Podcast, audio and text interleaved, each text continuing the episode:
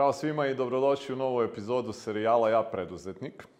Danas smo u Ratini kraj Kraljeva i posebno mi je drago uvek onako kad dođemo po prvi put u neke nove krajeva, evo na svojim delovima Kraljeva nismo bili do sad, što je opet negdje činjenica koju ja često ponavljam da je Srbija prepuna izvanrednih firmi, izvanrednih ljudi koji rade izvanredne stvari.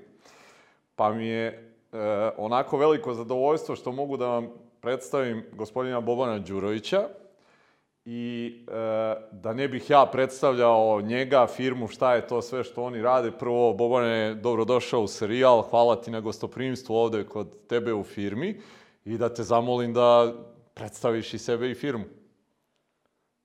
Hvala. Uh, hvala na tome što ste mi ukazali priliku da podelim svoje iskustvo i nešto od svog znanja sa preduzetnicima najpre, jer oni su verovatno naj, naj, najviše uh, gledaju sve ovo što ti radiš. Mnogo mi je drago da postoji ovo što ti radiš, uh, zbog toga što sam sam svedok koliko je malo, uh, malo uopšte na medijima ovaj, bilo kakvih emisija ili bilo če, vezano za, za, za preduzetništvo. Ovaj, a to je jedini način gde možemo da motivišemo, da provociramo u ljudima da, da postanu deo toga nešto što, što mi živimo, je tako? Ovaj, ja sam Boban Đurović, preduzetnik. Mm -hmm. ovaj, od nekako, to je od malih nogu krenulo tako što, ono, ja sam bio taj koji organizovao žurke, pravio igranke, nakon toga ne znam, men, ja sam bio taj neko kome padalo na pamet razne vragolije, ajde tako da kažem, organizovao sve to, pa nekako evo i dan danas organizujem tu neku moju ekipu da, da mi to nešto pravimo razne vragolije, ajde tako da Dobro. da kažem. Ovaj, tako... Šta su te neke razne vragolije koje vi danas radite, eto da pa, predstavimo ljudima? Pa evo, na primjer, mi a, a, rušimo predrasude u ovom trenutku o tome da li mi možemo kao Srbi da postanemo dobri takmaci evropskom tržištu u smislu da li možemo da proizvedemo dovoljno kvalitetne proizvode, da li možemo da napravimo dovoljno kvalitetnu organizaciju, da li možemo da stvorimo dovoljno dobru organizacionu kulturu da bismo mi bili uporedivi sa kompanijama koje rade naš posao na evropskom tržištu. Svi auditi koje smo prošli govore o tome da smo najbolji u branši, na, na evropskom nivou, najbolji, među najboljim praksama, kada kažem, vrlo je ovaj, teško biti uh, najbolji u, u, u nečemu, zato što su pitanja šta su, šta su parametri za merenja. Mm. Ali šta hoću da kažem? Hoću da kažem da, da mi ovde u selu Ratina, pored Kraljeva, sa uh, 90% uh, zaposlenih lokalnog stanovništva iz Kraljeva ove, i okoline, možemo da napravimo to da bude naš proizvod nešto što je kompetitivno na, na evropskom tržištu. Sama činjenica da izvozimo u, evropsku, u Evropu 46% naših proizvoda govori o tome da je to, mm -hmm. da je to okej. Okay. A sama činjenica da to raste, a mi smo tek u 23. godini postojanja, ovaj, govori o tome da tek čeka nas, ra, da pravimo razne vragolije po, po, po Evropi. Kad e, spominješ te vragolije, ajde za one ljude koji možda i nisu čuli za Banim, da kažemo šta je to sve što vi radite i eto, ko su ti neki klijenti koje si spominjao? Pa, o, šta je to nešto što mi radimo? Mi smo u jednoj industriji koja se zove industrija POS mat, reklamnog materijala. Znači, šta je POS, point of sale na engleskom, e, znači sve ono što zatičete u marketima na, e, na pozicijama koje se nalaze van onih redovnih gondola na kojima su složeni proizvodi, to su neke namenske kartonske police za Milka čokoladu, za Coca-Cola, za Pepsi, za Nestle, mm -hmm. za plazmu ili ostalo. Dakle, kartonske, metalne, plastične, one koje svetle, one koje su interaktivne, uh, gde možete da stisnete nešto tamo pa da nešto, otvori se neki novi prozor. To je nešto što, što mi svakog dana proizvodimo uh, ovde u Banjemu. Osim toga, proizvodimo i sve ono kada, recimo, prilazite uh, uh, jednu maksiju, ovaj, pa kada vidite ispred maksija parkiran vozilo Maxi, koje je dovezlo upravo robu, a tamo piše Maxi, to je nešto što piše, to smo mi proizveli, zalepili, zatim kada uđete, otvore, priđete tamo pa ono svetleća reklama iznad, Mhm. to smo mi proizveli, namontirali. Zatim uđete na vrata, otvore se ova vrata, pa sad imamo sa strane oni sezormatici koji pište ako neko Mhm. nešto hoće da, je, da iznese. Pa ona navlaka koja, na kojoj se nalazi reklama, eto, to mi proizvodimo Mhm. isto. Zatim kada uđemo, pa sad ima one nalepnice na podovima gde te ono vodi tamo desno Mhm. plazma, levo jafa i, i ostalo. Te nalepnice mi pravimo, a onda kada dođe tamo na mesto gde se to nešto prodaje, jel tako, i bude složene plazme i kaže akcija u ovom trenutku, evo ova nova plazma kocka, ovaj, ta polica na kojoj to stoji, takođe smo mi proizveli. Plastično objašnjeno šta je to što šta je to što, što mi radimo. I mi to radimo za kompanije koje se zovu Procter Gamble, a Procter Gamble manje ljudi zna, više, više ljudi znaju Procter Gamble recimo po Arielu, Pampersu, Duracellu, uh, Žiletu, Oral-B, Pantene i tako dalje. Zatim imamo da naši klijenti je, naš klijent je Coca-Cola, naš klijent je Pepsi, naš klijent je Chipsi, naš klijent je manje više sve ono što vidite u, u prodavnicama da, da, da bude i, ovaj, postavljeno kao, kao reklamna polica. Uh, mi to radimo za tržište Srbije i, za, i 46% izvozimo na tržište, ajde da kažemo, jugoistočne Evrope ili East Adriatic Market je nešto što je, što je ono, teritorija na kojoj, na kojoj mi poslujemo. Okej. Tako da, Eto, to je to. zvuče dosta poznato te firme neke koje si spominjao sad ko su vam klijenti i to verovatno su ih svi negde malo čuli Je, ovako malo, od nekud. malo jeste. Sad, e, rekao si tek 23 godine postojanja i ono što ja volim da uradim je da, da vas sve kao moje goste vratim na neke početke, pošto iz tog razloga sad bilo ko kad čuje sve ovo što si ti rekao, to je nekima koji su možda na samim počecima ili možda i već da posluju neko vreme jako ono nedostižno, a e, iz tog razloga ja volim da čujem i da drugi čuju da i ti nisi rođen sa ovim banimom ovakvim kakav, kakav je danas.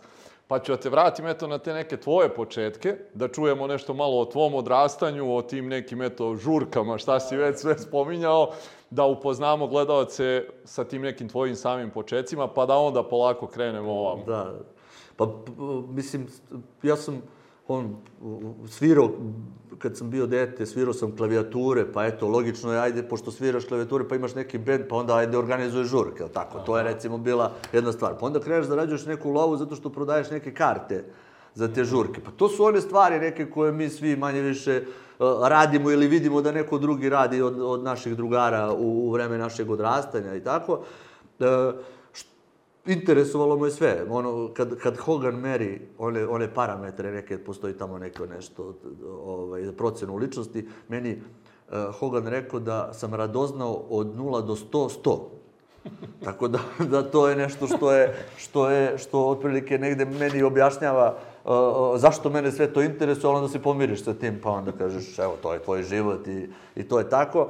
Ovaj, s druge strane, to bude i teško ponekad, ovaj, ali više radosti donese nego, nego onog bremena.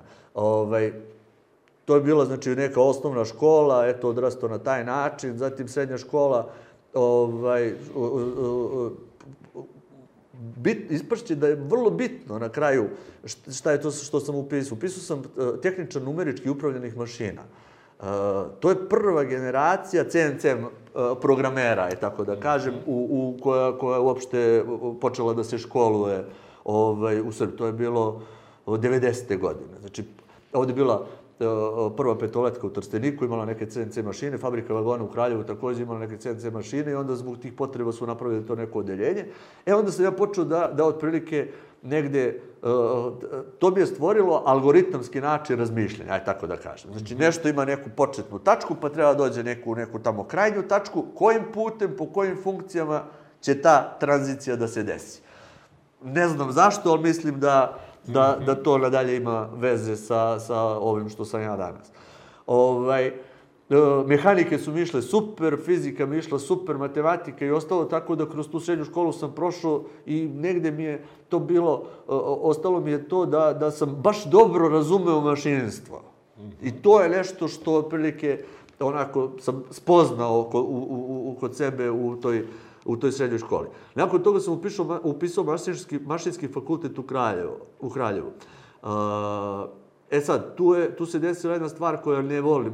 Mislim, to mi je onako, ako imam žal za nečim, žal je zbog toga što u tom trenutku, u tom vremenu, a to su bile 94. godina, mm. 95. godina, ovo ja upisujem mašinstvo, Uh, mašinstvo upisujem, uh, nema, nema love, nigde, novca nema, ovaj, roditelji zarađuju pet maraka, mm platu i sve to nešto, a ti osjećaš da si nešto sposoban. Mm. A momak si, imaš, na primjer, ono, 19 godina, 20 godina, želje su ti ogromne, ceo svet je tvoj, svestan si da možeš da zaradiš, a treba da studiraš. E, tu je neki nešto što, što ovaj, zašto mi je žal, zato što to nisam izneo do kraja. Studirao sam dve godine, uh, te osnovne uh, dve godine, gde sam posle toga trebao da se opredelim za smer.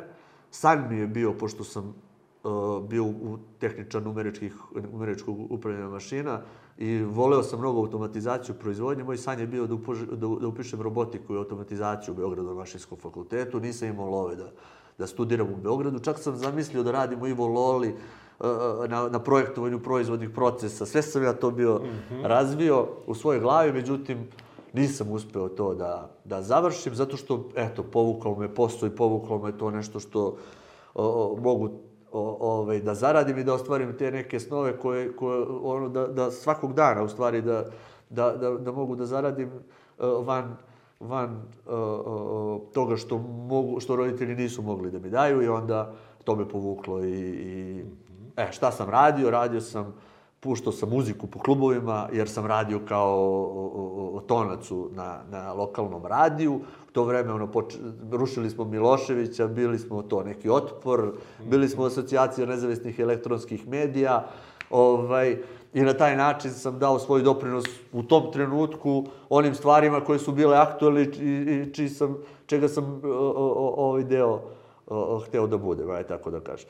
I ovaj, uh, ideja o ovome što, što danas radim se rodila tako što sam ja radio na tom, na tom radiju, radio sam radijske reklame, pravio spotove, džinglove i mm -hmm. to mhm. nešto što radio u nekom softveru koji se zvao Soundforge. Mm -hmm. I ovaj, shvatio sam da mnogo, a putovao sam često u Beograd, i uh, moj drug neki otvarao, otvarao prodavnicu mobilnih telefona, pitao me, kako bi to ja njemu konceptualno mogao da napravim, pošto ovamo sam uradio radijsku reklamu i onda meni prvi put imam, čak imam uh, ovaj, zapisano to, čuvam taj rokovnik, gde ja pravim koncept neki, aha, kaže, ovako, ja ću mu napraviti radijsku reklamu, tu radijsku reklamu, on, prodavnica mobilnih telefona Mobilix se zvala, imam asocijaciju na Obelix, ajde uradit ću mu, uradit ću mu i neko grafičko rešenje gde neki Obelix nosi uh, mobilni telefon na leđima preko nekog kineskog zida, sećam se sad, vraćam,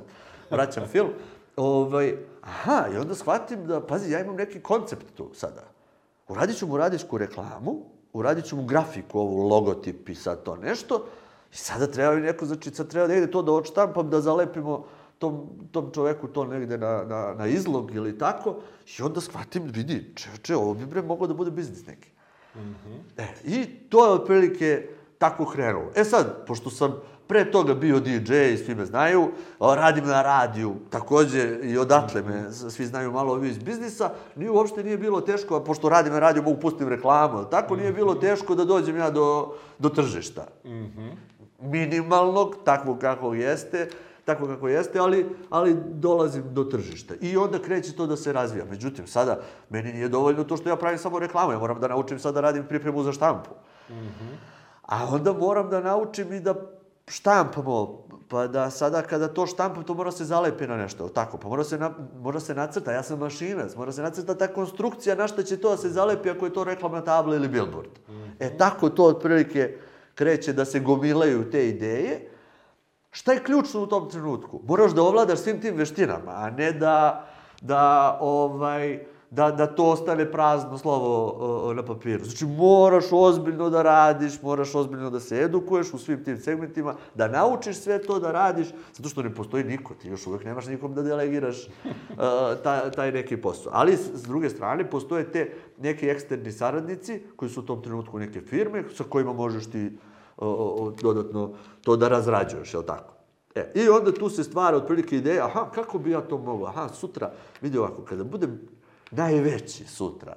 Ja ću da imam jednog čoveka koji radi radio i TV spotove, imaću jednog koji radi ovaj, pripremu za štampu i jednog koji radi 3D animacije. I ja ću budem četvrti, radit ćemo samo 10 klijenata, sećam se odlično, da bi bili svi zadovoljni, jer u to vreme su klijenti uglavnom bili nezadovoljni. Radit ću samo 10 da bi bili svi zadovoljni, da ja mogu dobro njih sve da servisiram, da budem tačan, disciplinovan na vreme, sve da bude i ostalo.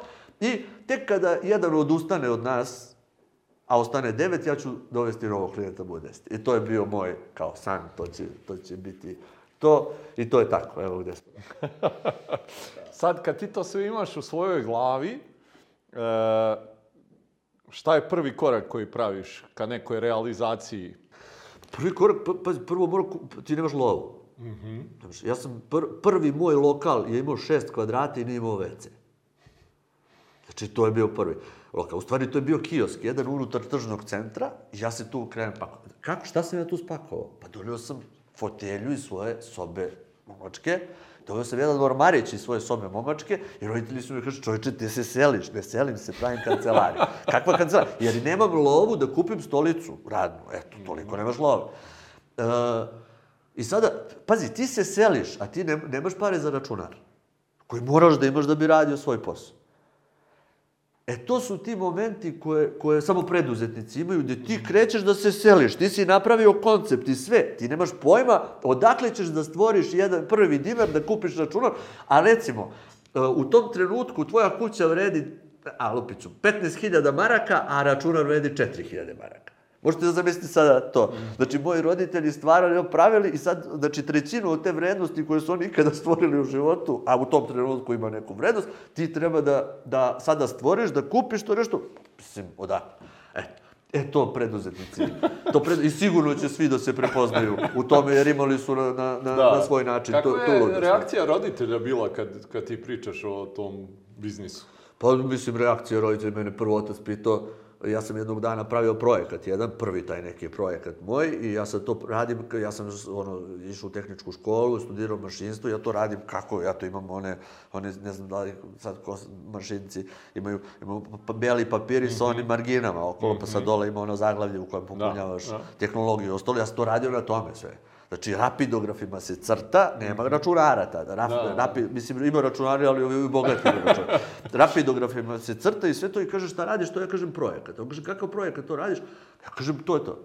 Pa kaže, koliko će to da košta, boga ne?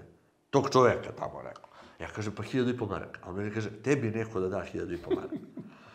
A ja kažem, da će, vidjet ćeš. I onda, naravno, dogovorio sam taj posao, a onda sam angažovao mog tatu, da iskopa rupe i da izbetonira stubove za te, tu reklamu, koju će, a on će od toga da kupi ogrev za zimu.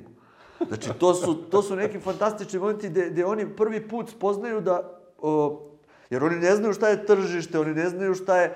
Prvi put se susreću sa tim da ti sada stvarno možda zaradiš neku lovu koja je... A u mom, moj čale u tom trenutku, recimo, prima 60 maraka platu u pošti, radi u Telekomu, gde je dobra plata. Mm. I to je 60 maraka bela. Tako da, to su stvarno neka vremena koja, ne do Bog da se ponove, da. mislim, ono, ali to su vremena bila nekih prilika gde, mogu, gde, gde, gde su se stvarale te, te neke stvari. I prazno je, drugo, potpuno drugo vreme, prazno je tržište bilo. Mm. Što, čime god si počeo da se baviš u to vreme, ako si bio disciplinovan, prolazio si sigurno.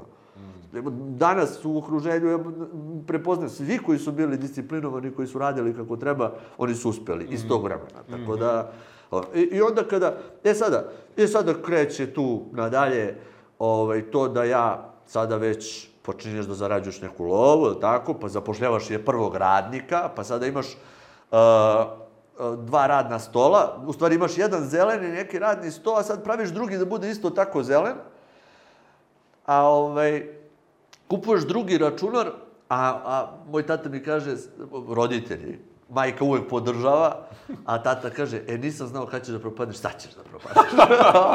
Tako da to je, to je ono super. Tako da, da... Koliko je prošlo vremena do, do, da si bio u, u ono mogućnosti i da zaposliš nekoga? Prošlo je, uh, znači, prvi, posle godinu i po dana je došao prvi moj, prvi moj radnik. S tim što vrlo je važno to da, da kažem da je meni porodica pomagala mm -hmm. uh, pre toga. Šta znači pomagala? Znači da, da kada mi treba još dve ruke mm -hmm. da odštampam nešto, oni dođu tu pa mi pomognu oko toga. A onda već, uh, već uh, recimo kada je bila nova godina, pošto smo se bavili štampanjem upaljače, olov, mm -hmm. upaljače, olovke, taj reklamni materijal, ovaj, ja sam to odlazio svojom ladom, specijal 1400 kubika u to vreme, 1300, zaboravio sam više kao, ovaj, 1300. ovaj, bela lada i ja idem sada u nabavku da dovezem te upaljače, olovke i sve to nešto, a mama i tata na spratu ovaj, naučio sam ih da štampaju to i sećam se odlično. Čak ono, da, da uključimo samo jednu na kvarcovoj grejalici, ona jedna samo da bude uključena, da se ne troši mnogo struja. Oni u, u prslucima to štampaju, pošto je hladno. Eto, to su, tako se to stvara. I siguran sam, i, i, da, da, i koliko god dugo ljudima izgledao taj, taj, taj početnička, ta, ta početna faza, koliko god ljudima izgledalo iz njihovog ugla, ti, ovo nikad neće da prestane budite uvereni da će sigurno da prestane ako radite uh, uh, uh, kvalitetno, posvećeno i dobro svoj posao. Jer ovaj, tu se uče sve ove stvari koje danas tebi budu, mislim, tebi rutina, tebi podsvest to mhm. radi, ali tad se naučila ta da. podsvest da, da je to potpuno prirodno. Kako si uopšte ono, no. dolazio do, do klijenata u to vreme? Je li to išlo preko te reklame na radiju ili si Morne. posle počeo da... Ma torbica, imala jedna siva torbica, mala karirana, u toj torbici uzorci, mali uzorci, mm -hmm. i onda ti ideš sada od, od kafića do kafića, od lokala do lokala, od firme do firme, i sad ti njima nudiš neke proizvode. I sad vidi, znači, a, odmah se prepozna neko ko, ja danas prepoznam to kad dolaze meni da prodaju, neko ko je posvećen prodavac i neko ko ima ideju i ko je progresio od ovih drugih koji ima je to samo, ajde, moram da zaradim a, a, a, a, platu i rade to iz, iz tih pobuda. Zašto? Pa zato što a, Ti ne ideš, kada si preduzetnik, ti ne ideš, tebi to, da li ćeš da prodaš danas ili nećeš da prodaš danas. Naravno, treba ti lova, pa ćeš da, da, da ti to bude fokus. Međutim, ti u, u, u svakom kontaktu ti stvaraš dugoročni odnos, ako si preduzetnik. Mm -hmm. Eto, to je, to je razlika. I ti, zašto? Zato što znaš da tebi to, uh, prvo želiš mnogo da naučiš, od svakog imaš da naučiš, znači to ti prvo, prvo bude sa 20 godina. Onda, drugo, aha, možda nešto i zaradim. I tako da na taj način se to krene gradi. E, a sada ako je dobra energija, onda to oni tebe počnu da preporučuju. I vrlo brzo sam ja tu stekao tu neku, neku ovaj, grupu aj firmica koje su počele da kupuju od mene sve i svašta. I onda oni sami zovu i pitaju, pa čekaj ti štampaš ovo, a što ne štampaš i ovo? Mm. Onda oni tebi kažu, onda tebi oni otvaraju ovaj, vidike, vidike i kažu, pa da. pa čekaj, ovo, ovo može da, da, se, da se upotrebi na ovaj način. Znaš, tako da, to bude taj neki, terate tržište da, da se. Da, je to bilo ovde, ono, uglavnom Kraljevo? To je bio ili... lokal. Mm -hmm. To je bio, u početku je to bio lokal, da. U početku je to bio lokal. I dugo je to bio lokal. Pa ja sam prvo, pazite, znači, u trenutku kada ja počinjem time da se bavim, postoji etablirani 40 eh, štamparija u Kraljevu, jer Kraljevo štamparski grad bilo jedno ogromno štamparija slovo U Kraljevu, mi pa pri prometu su bili, to su, oni su ozbiljni igrači na regionalnom nivou bili, u smislu bivša Jugoslavija je kupovala i slova, uč, radili za zavod za učbenike, uh, ove ovaj, su oni uh, pravili knjige. Tako da, svi ti neki uh, uh, komercijalisti koji su u to vreme radili u slovu, posle raspada slova su imali svoju štampariju, tako? Mm -hmm. E, sada ti možda zamisliš ti mlad, dolaziš da rušiš njima to tržište. Oni navikli ono kao, rade dva sata dnevno, odštampaju to, talon vizit karti, taj talon vizit karti da plate 3000 maraka i žive ovog meseca, neće da uključi mašinu. Dalje, mislim, to, pa sam, onda, a onda oni kažu, ko si bre ti čoveče da nama rušiš posao, ti želiš da radiš svaki dan 8 sati dnevno mm. ili ceo dan. Mm. E, onda to bude nešto što, što, što ono, tu si video svoju priliku jednostavno. Tako da, o, o, o, ovaj, smatram da ta disciplina, ta neka posvećenost, to nešto da ono, od jutra do sutra, Pogotovo u tim godinama gde ti ceo svet tvoj, ti si gladan, ti si željan svega, željan si odnosa, kontakata, mm. željan si... Ono, a s druge strane, tvoj mozak to procesuira na poseban način zato što si preduzetnik, mm -hmm. je li tako? I on, e, to je neka ta magija koja, koja mora stvori rezultat jednostavno. Koje su to godine ono uopšte sad o kojima govoriš dok ste ti i taj jedan zaposleni? Pa to su, to, to je 2000-ta, 2001 2002 godina. Otprilike. Uh, već od 2002. godine, uh, ovaj, ajde tako da kažem, prvi zaposleni u proizvodnji, evo ga i dan danas radi tu, mm -hmm. ovaj, uh, on je mi, omiljeni u, u celoj firmi Zoran Jovanović i oču. Ovaj, on, on je došao i nakon toga polako se to sve, sve krenulo da se, da se gradi. Najpre smo bili, šta smo radili? Znači imali smo te eksterne uh, usluge smo radili, neko je proizvodio konstrukcije za nas, neko štampo, neko sve to nešto. Međutim, mi smo bili ono neko ko, ko je disciplinovan, vredan, radan i uh, ključna stvar je bila u tome što 2002. godine smo mi počeli da radimo autografiku. Znači ono prelepljivanje vozila, oblepljivanje vozila Aha. i to nešto. Mi smo bili posle Beogradskog žutog taksija prvi uh, ljudi koji vode Beogradski žuti taksi, oni su sami lepili te folije, naučili su to, a mi, ja sam bio u Kraljevu, drugi koji, koji je uopšte u Srbiji to radi. I onda su krenule, da, da, da, a, a sve više potrebe bilo da budemo šareni, jer to je nova tehnologija bila, sada to nije ni blizu toga kako je, kako to vreme izgledalo. E, i onda su, ja sam to naučio da, da, da lepim, to je super bila meni izvor prihoda i nisam morao da imam mašinu, je tako? Jer nisam imao lov. Onda, šta sam radio? Radio sam pripremu za štampu, dizajnirao ta vozila i sve to nešto, odnesem tamo negde, to se od štampa, platim tu štampu, a onda mi to krenemo da lepimo. Onda su nas drugi iznemljivali da lepimo za njih i onda smo u jedno vreme više para zarađivali mi koji smo lepili, zato što nas je malo bilo, nego ovi što, što, što ovaj, imaju love da kupe, da kupe mašinu. I to je negde taj, taj razvojni put. E, a onda na to se kreće, naslanja sve taj deo koji kaže, aha, napravi mi svetleću reklamu, napravi mi podkonstrukciju, napravi mi billboard i tako dalje i tako dalje.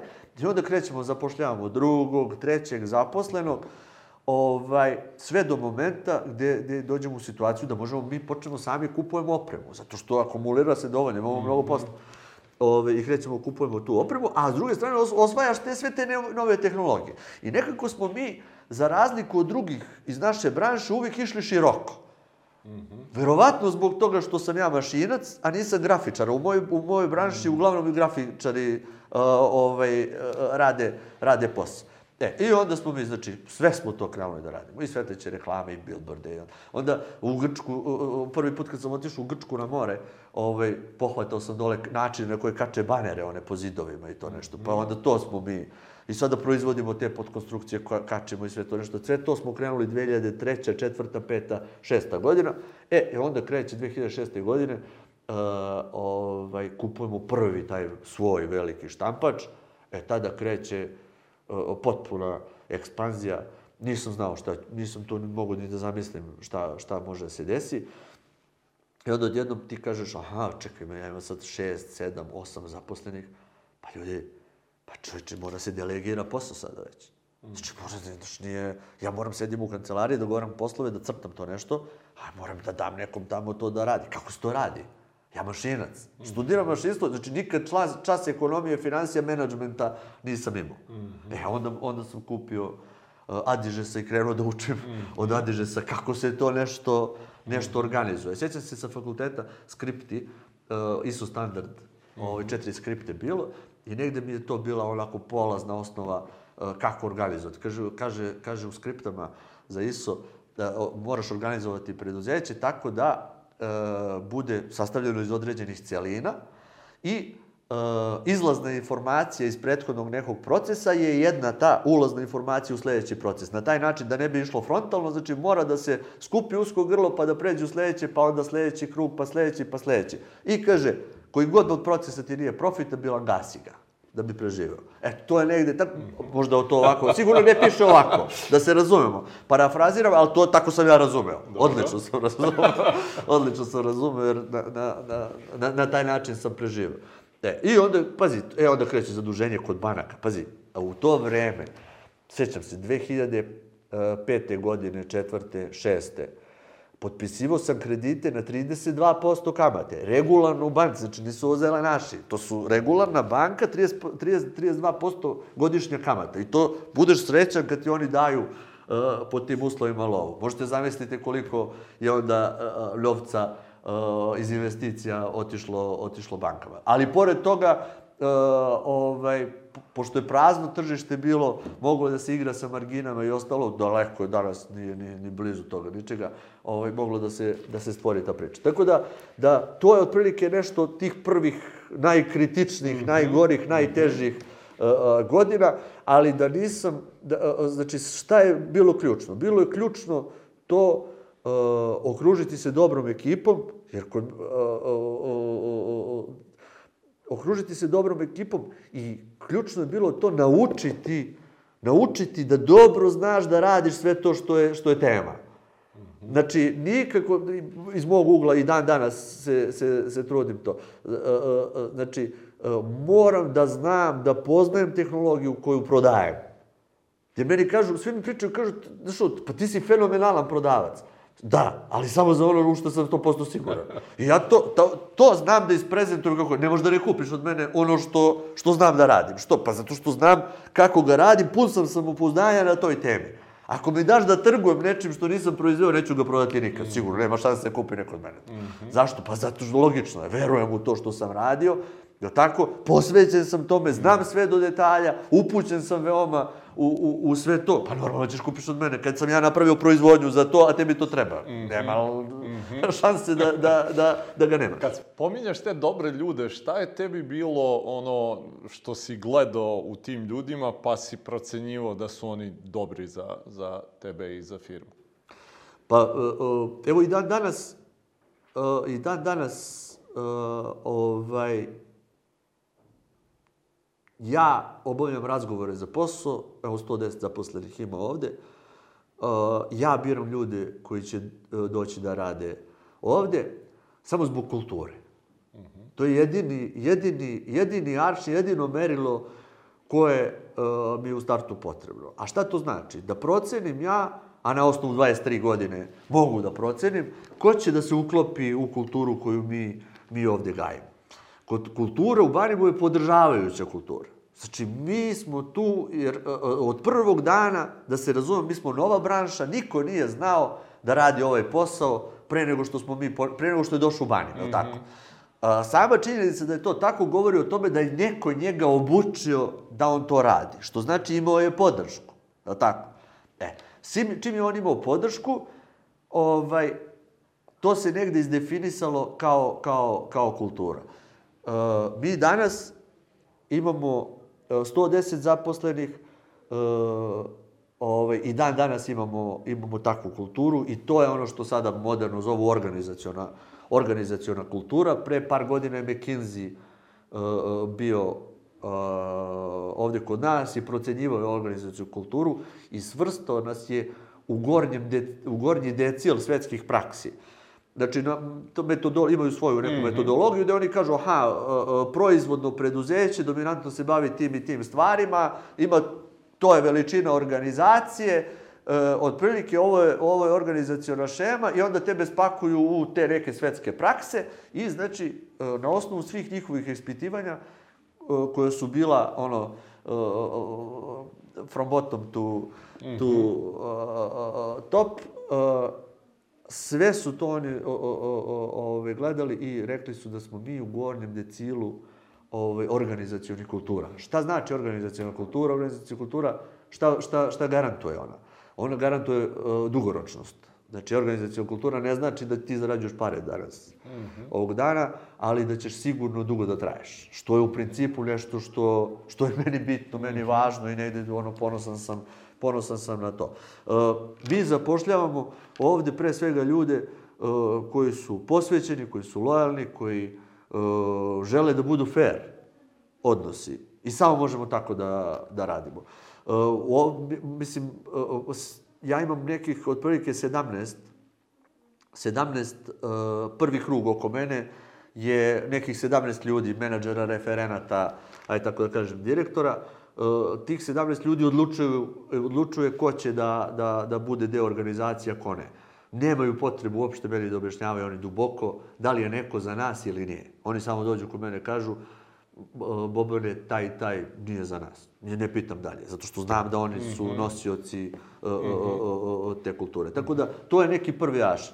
S druge strane, verovatno je to nasledstvo toga što, je, što, što smo mi ajde da kažem, pioniri, jedni od pionira u ovoj branši, pa nije nam potrebno bilo posebno neko obrazovanje u bilo kojoj oblasti da bi neko postao deo našeg tima. Mm -hmm. Tako, nego jednostavno, ko je vredan, ko je posvećen, taj će da mm -hmm. krene da radi, pa ćemo da naučimo. Evo mm -hmm. i dan danas uh, to tako, to tako funkcioniš. Mm -hmm. Sad si rekao ovaj, da, da si u nekom trenutku ti to osvestio eto, i da treba da delegiraš Ovaj, e, jel ti bio izazov sa tim da, da i, i pod znacima navoda i strpiš te ljude i da te neke stvari koje ti možeš brzo da uradiš, da, da čekaš sada neko to drugi, Tačno. pošto većina nas prođe tu tešku fazu. Kako da ne, kako da ne. Prvo to ono kao, odvajaš se kao deteta, što kaže. ovaj, od, od, od, od odluka koje, koje ti treba da doneseš. Uh, S jedne strane, moramo da, da budemo svesni toga, svi preduzetnici svesni toga da bi koliko su posvećeni ne bi napravili to što su napravili da nisu. Ovaj, s druge strane, moramo da budemo svesni toga da ti zaposleni koji rade kod nas, da njima to nije sve u životu. Nama jeste. Mm -hmm. Definitivno. Mm -hmm. e, I onda, znači, prvo moramo to da, da, da osvestiš. Kad to osvestiš, onda kažeš, aha, u skladu sa tim će on meni dati. Ako, e, sad, Ako mi dobacimo do, do, do ono, malo pre smo pričali u, u, u prethodnom u uvodu nekom ovaj, o tome, ako mi vidimo da će neko 50% raditi od onoga što smo mi posvećeni, ja mislim da to već nešto što, što je odličan, odličan pokazatelj da možemo da, da, mu, da, da, da mu delegiramo, je tako? Mislim da je, da je u tom smislu kod mene ključno poverenje. Čak su mi i HR e, konsultanti koji su kasnije dolazili ovde otprilike objasnili zašto ja imam tu uh, ovaj, 15 lidera, tako su oni rekli. Jer na prvom razgovoru, na kom su razgovarali sa mnom, oni su meni rekli, pa otprilike možemo da identifikujemo na osnovu razgovora sa tobom, E, šta su tvoji problemi ovdje. Onda su meni rekli kao, a ti si dominantan lider, poznaš dobro posao, sve to nešto, verovatno si se ti okružio sa poslušnicima i onda oni ne žele da donose odluke i tako dalje i tako dalje, traže odgovor uh, kod tebe uvek kad je nešto kritično i ostalo. A onda su mi na sledećem sastanku posle mesec dana koji smo imali rekli, Bobane, potpuno obrnuta situacija. Ti imaš 14 lidera. E, a onda nakon šest meseci, ovaj, uh, uh, ta vlasnica uh, kompanije koja je HR Consulting radi kod nas, otprilike, ona je meni rekla da je ona izvela zaključak šta se tu desilo zapravo. Uh, ona meni kaže, ti si uh, odabrao ljude kojima 100% možeš da veruješ. Bez obzira na to kakve su njihove veštine u, u smislu konkretnog posla koji rade. Stvarao si onda njih, učio si ih ova znanja koja su potrebna da bi obavljala svoj posao E, još si dodatno gradio poverenje i onda ti, oni osjećaju da ti njima bezrezervno veruješ. I oni su potpuno slobodni ljudi.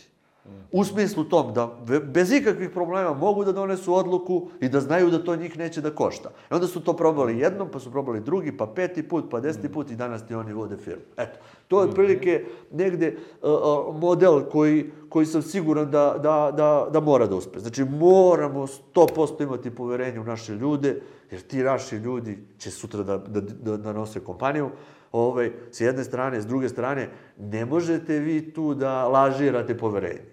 To se ne lažira. Oni, su, oni, oni osjećaju da li vi, vam, vi njima verujete ili ne verujete. O, u ovom slučaju oni su osjećali da ja njima verujem i onda su se oslobodili. A, a s druge strane, na taj način i kaskadno dalje gradili oni svoje neke ljude. Tako da iz tog razloga posle dođemo do rezultata 10, 10 u, u 10 smo u, u, kod McKinsey. Mm -hmm. To je to je to. Je to. E, još jedna stvar zanima, sad si rekao eto ovaj, e, e, da si se i zadužio kod banaka i u, u vreme kada su te kamate u usporedbi sa ovim danas bile onako poprilično ovaj, e, veće. I negde je to ovde i dalje veliki broj naših preduzetnika e, malo ima strepnju da se zaduži i smatra da taj dug i nije dobar, a generalno znamo da bez banke te- teško da neki ozbiljni biznisi mogu da se prave, ali ti to radiš recimo pre koliko je to bilo, 15 2002, godina, da. znači 20 godina. E, odakle tebi uopšte takvo razmišljanje da ti moraš da se zadužiš da bi kupio te mašine i da bi uopšte dalje raz, ra- razvijao kompaniju? Pa znaš kako, e, ja, ja se bavim paraglidingom. Znaš, onda malo, malo taj rizik, to je nešto što mene radi, u principu. Tako da, da nisam možda baš ono, pravi, pravi za odgovor na to pitanje, jer na tome živim. Ovaj, sa druge strane, šalu na stranu. Smatra, apsolutno sam siguran u to da su Banim izgradile banke u ovo što je, što je Banim bio pre uh, pre dolaska investitora. Uh, a investitor je došao, ove, o tome ćemo malo Da. kasnije.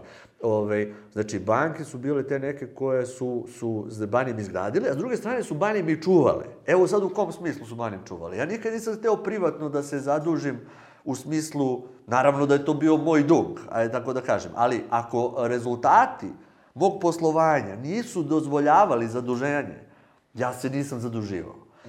Šta to znači? To znači imao si jednu zdrav biznis jedan si imao, tako? Banka dođe, proceni, kaže, vidi, mi tebi ne možemo da damo lovu. Sad za tvoj sledeći korak koji si ti isplanirao. Onda ti dođeš i kažeš, vidi, ne mogu oni da daju lovu, ja neću da uzem pare kod zelenaša. Znači, to ti bude... E, I onda te to negdje i sačuva, je tako? Zato što možda nije pravi trenutak. Ti nisi bio lenj, uradio si ono što je do tebe kao preduzetnika, je tako? Probao si, iskoračio si, ne može, mora nazad korak da se vratiš sad, i sad čekaš. Sledeće godine dođeš, kaže banka može. Aha, ajmo sledeći korak. Znači, e, kako bih rekao, e, ono, znaci pored puta postoje, ti ne smeš da budeš lenj u smislu da ne reaguješ na, na svaki od njih, jel tako? Ovaj, jer to je neoprostivo. To je u preduzetništvu, ja mislim da to najveći greh koji može da bude a, a, taj da, da, da, da je tebe, tebe su okolnosti, od tebe su okolnosti izgradile, tako? Tebe su okolnosti napravile neki taj a, mindset ili, kako bih rekao, sistem Mentalni prepoznavanja, stavi, ajde da. tako da kažem. Pojavi se prilika, tamo negde, a ti ne odreaguješ na priliku. Pa kako, mislim, to... ono, to ne može. Ti moraš da odeš tamo da vidiš šta je to, pa da se vratiš ako to nije za tebe. Et, eto, tako, tako i, i, i u odnosu sa bankama. To je način na, na, na, koji sam, na koji sam radio. Tako da, da ovaj, to mi je bila, kako bih rekao, negde mera koliko brzo treba da, da, da, da, da se radi. E, kad si rekao sad došli su ono jedan, drugi, treći, sedmi, osmi zaposleni, e, šta su bile neke stvari koje si ti u tim momentima kako i dobijaš te neke ljude i zaposlene, šta si morao da menjaš kod sebe? U, pa ti moraš da, ti prvo, po, o, na, na, najpre shvataš da si model. Znači, prvi put kad budeš čuo svoju rečenicu na nekom sastanku, a oni nisu ni svesni da su izgovorili tvoju rečenicu, ti onda shvatiš da si ti model i da mnogo moraš da vodiš računa o tome kako se ponašaš, jer ti si kultura.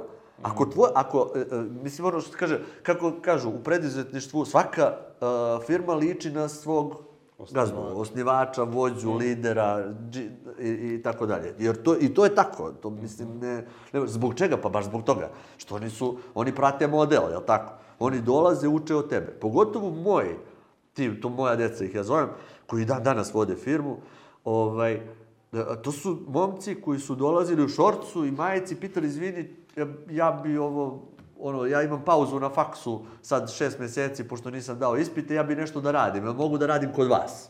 Eto, znači, ti si model za te ljude. I onda polako, kada ti to shvatiš, ti moraš sve da menjaš. Ti, mislim, više nisi sam. Ono, kao, kao kada, ja bih to uporedio sa, kada, kada osvestiš to da si otac, sa, ono, hvala Bogu otac sam, kada osvestiš to da si otac, pa u jednom trenutku vidiš da dete oponaša tebe, isto tako bih uporedio to sa, sa, sa ovim u firmi. Znači, tvoja, da li si ti disciplinovan, nisi disciplinovan, uh, s druge strane, da li, da, da li, na koji način komuniciraš to? U svoje, svoje, svoje mane, na primjer. Ja sam, recimo, ja sam čovjek koji, ja sam kampanjac. Recimo, ja sam kampanjac, a ja sam vrlo svestan toga. I ja, ja u komunikaciji sa ljudima, čak to i naglašavam. Ja sam kampanjac u kom smislu? U smislu da, da kada je meni interesantan projekat, ja ću da radim tri godine.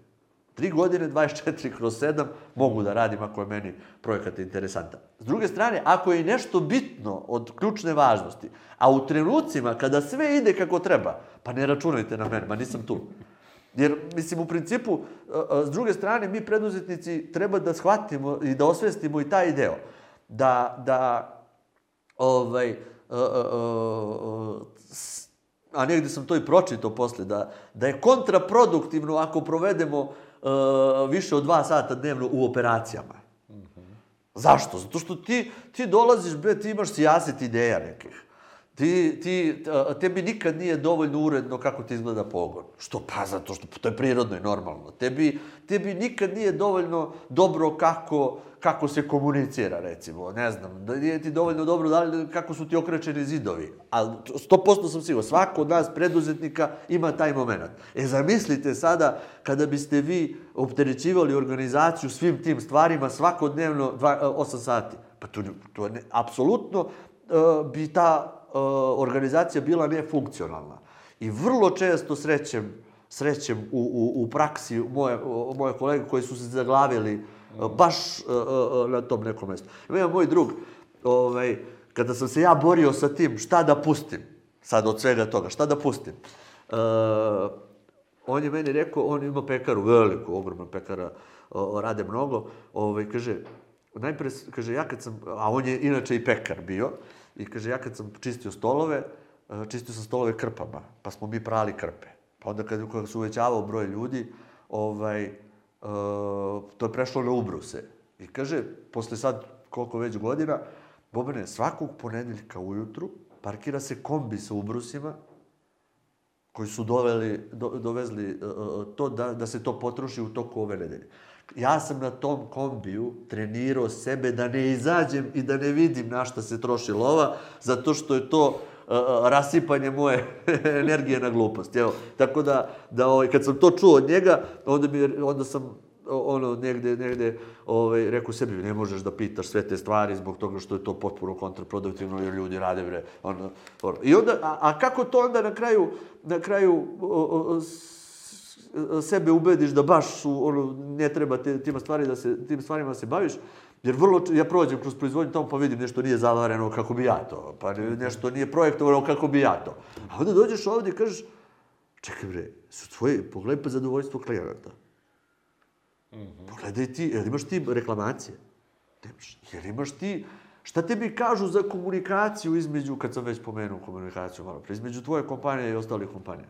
Pogledaj ocene. Pa znači ljudi rade super posao. Što znači da negde, uh, ako ti, sad vraćamo se ovo, ako ti imaš poverenje u ljude koje si zaposlio, ako su oni u sebi imaju kulturu koju si ti negovao, pa nema šanse da to isklizne negde u smeru u, u kom to ne ide. Ili nema šanse da to isklizne za mesec dana ili dva da bi ti mikromenadžovao. Ako nešto krene gde ne treba, naravno da ćeš ti tu da, da podigneš, a, a, prebaciš svoj fokus na to i napraviš neki akcioni plan gde će to da se koriguje. Ali to se radi na osnovu akcionog plana, nekim planovima i ostalo. A to što se ti šetaš svaki dan, po ceo dan tu i da kažeš vidi ovde prljavo, ovde, pa neće niko radi po tebi. I nije, a nije ni efikasno. Ne donosi lovu. E, da te vratim sad opet na taj period kupovine te mašine za štampu koju si rekao da je donela ono neke stvari za koje ti nisi mogao ni da pretpostaviš. Šta se konkretno desilo tad na tržištu? Ovaj, da je ta mašina vama donela puno posla, novih klijenata? Pa Prvo malo je bilo tih mašina. Mm -hmm. Znači, mnogo malo tih mašina bilo. Pogodio sam format, a je to recimo. Prvo 2 metra i 70, što je bilo tačno da može da stane jedna kamionska cerada. Aha. E, i sada pazi, a, a, u tom trenutku sam ja znao da postoji jedan prodavac kamionskih cerada, gotovo jedan jedini na, na srpskom tržištu. I ja sam ponudio njemu uslugu uštampavanja mm -hmm. te cerade. Ove, I vrlo brzo nakon toga Cela Srbija je bila u, u kamionima Jelen pivo, ono žuto su pisali Jelen ovako, crnim slovima, ono sve to štampano kod nas uh, na štampačima. Recimo, pa onda videlo Jelen pivo, pa kaže ono MB pivo u to vreme Da, je da, bilo da, sećam pre kupovine od strane MB pivo, pa onda hoće i oni. Pa onda nama tu blizu Guča, pa oni Guča festivali, sve to nešto. Pa to su, uh, jednostavno trend je bio tada takav da, je, da se to štampa velikih formata tek pojavila, bila je u nekom, u, u, u ekspanziji i mi smo uhvatili priključak sa tim. Međutim, nismo hteli, e to je sada ono što, što Banjemo odvaja od komunije, nije smo bili zadovoljni time da samo odštampamo mi to, mi smo to hteli da namontiramo, Mi smo to hteli da napravimo podkonstrukciju na koju će to da se namontira. Znači, nije nam bio dovoljan samo ovaj segment. A onda u mojoj glavi, pošto ja mašinac, kažem, ja ću u štampu poklonim, kad napravim ovu rekla, kada napravim ovaj RAM, postavim ga tamo, naplatim montažu, napravim, naplatim čelik, projekte i sve ostalo, štampa bude smešna u celoj toj priči. Tako da, opet koncept, koncept, koncept i dan danas kada pričam ljudima o, o biznisu, kada, kada me pitaju danas kako sada ovo nešto, kaže, moraš da imaš priču, bre, moraš da imaš koncept, šta ti hoćeš. Ne može, jer ako ostaneš na nivou jedne usluge, pa iskopirat će komše, pa će on da radi, pa će se sukobiš sa njim u smislu cene i ovu propasti ste posao i ti on. Nema tu posla nikakvog. Znači, ti moraš da imaš neku svoju ponudu, svoj servis, svoj koncept, neki koji je jedinstven na tržištu.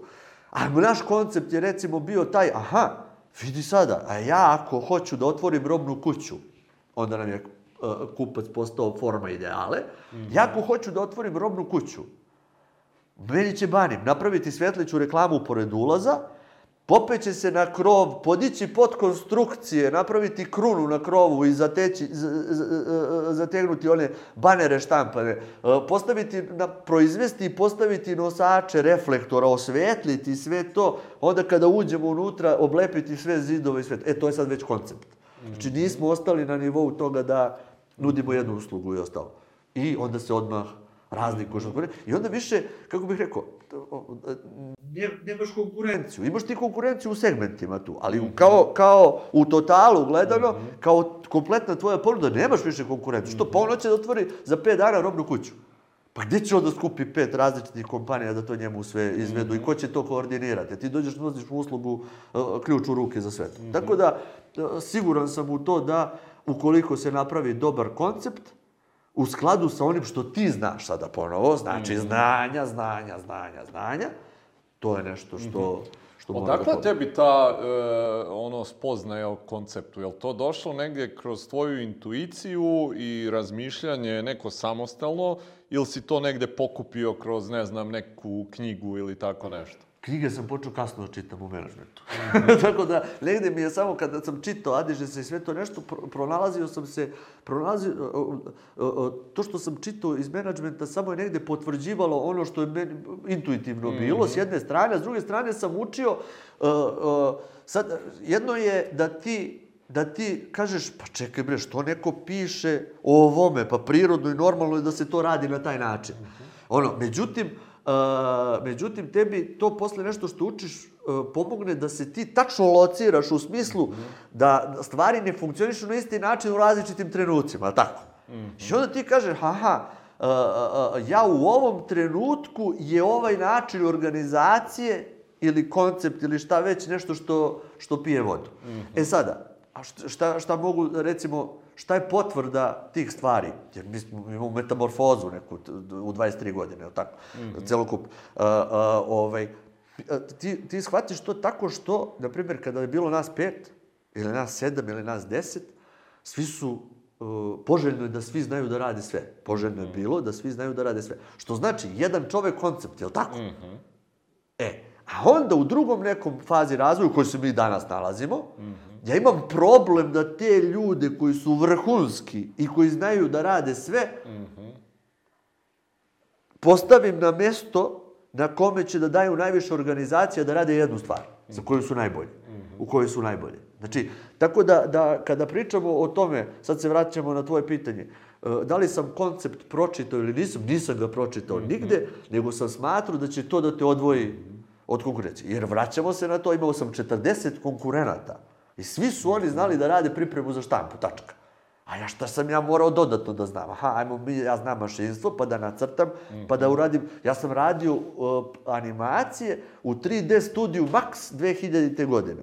Mislim, to sad ko malo razume se u računare, znači to, to je nešto, to je bilo, mislim i sada je 3D animacija nešto što je onako poprilično kompleksno da se radi, a u to vreme 3D da. animaciju raditi i prekazati klijentu u 3D-u kako će njemu da izgleda reklamna tabla pored njegovog objekta je bilo nešto što je onako nesvakidašnje, aj tako da kažem. E, tako da, da morao si da se odvojiš nečim, a čime? Pa konceptom se odvojaš. Jasno. I to je to, Jasno. koje je jedinstveno. E, sa svom tom, eto, negde e, i konceptom i mašinom i svim tim, to donosi neki novi rast, jel tako, i za firmu i za broj zaposlenih. I gde vas sve to vodi nakon toga? Pa samo uh, uh, gde nas to vodi? Znači, na, najpre smo, mnogo mi je bitno da pomenem, recimo, uh, prvi veliki klijent nam je bila forma ideala. Zašto mi je to bilo bitno da pomenem? Zbog toga što prvi put se mi sudaramo sa nekim sistemom tada. -hmm. Ne, uh, znači sa eksternim sistemom nekim. Gde, gde mi moramo da odgovorimo na njihove zahteve. A šta su njihovi zahtevi?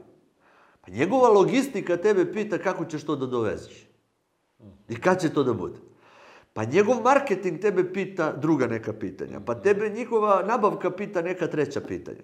Ti shvatiš u jednom trenutku da svi ti koji funkcionišu u tom sistemu, ti ljudi koji rade na tim pozicijama, oni samo znaju jedan jezik da pričaju. Mm -hmm. A ovaj logističar priča o logistici, a ovaj iz nabavke priča jezikom nabavke, jel tako? A ovaj naš marketing je jezikom. Ti shvataš, čekaj bre, ja moram sa ove strane kod sebe da imam neku ko će na ta pitanja da odgovara. I ko razume taj jezik.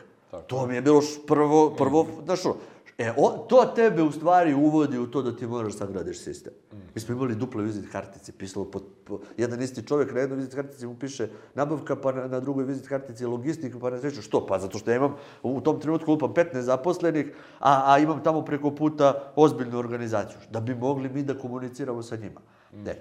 I onda, e onda tebe to pravi da način da ti moraš vidi sada, to znači, čekaj, bre, mora sistem neki, mora organizacija, mora sistematizacija, mora sve to nešto što... Mm -hmm. što e, s tim što, sada ponavljam, vraćam se na ono, uh, uh, mi smo bili pioniri u našoj branši, znači nemaš da prepišeš sistem organizacije iz neke mm -hmm. uh, druge kompanije, a pogotovo što si koncept, pa je to dodatno komplikuje stvari, jel tako? E onda mi nismo mogli da čitamo knjige i da pravimo organizaciju na osnovu knjiga, nego smo morali da savladavamo sve te neke prepreke sami i uh, uh, tu da rastemo.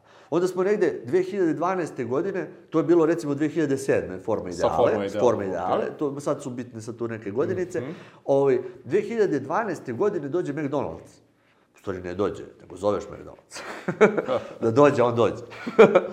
Eto, i to je isto, isto stvar jedna koju bih pomenuo, preduzetni. Znači, uh, uh, velika plana, napravljen McDonald's pored autoputa, mesecima s vraćama stoji nenamontiran te, te totem, reklamni totem pored. Mm -hmm. I ja pročitam nalepnicu Prolicht Germany proizvodi toteme za McDonald's, dođem kući, napiše mail Prolicht to Germany. Mm -hmm. Ja mogu da vam ovo namontiram što vam stoji nenamontirano. Mm -hmm. Sutra ujutru zove Prolicht Budipest, Budapest, uh, njihovo odeljenje iz Budimpešte, mm -hmm. koje je takođe proizvodnja, ja mogu ja da dođem kod vas osnovu tog maila.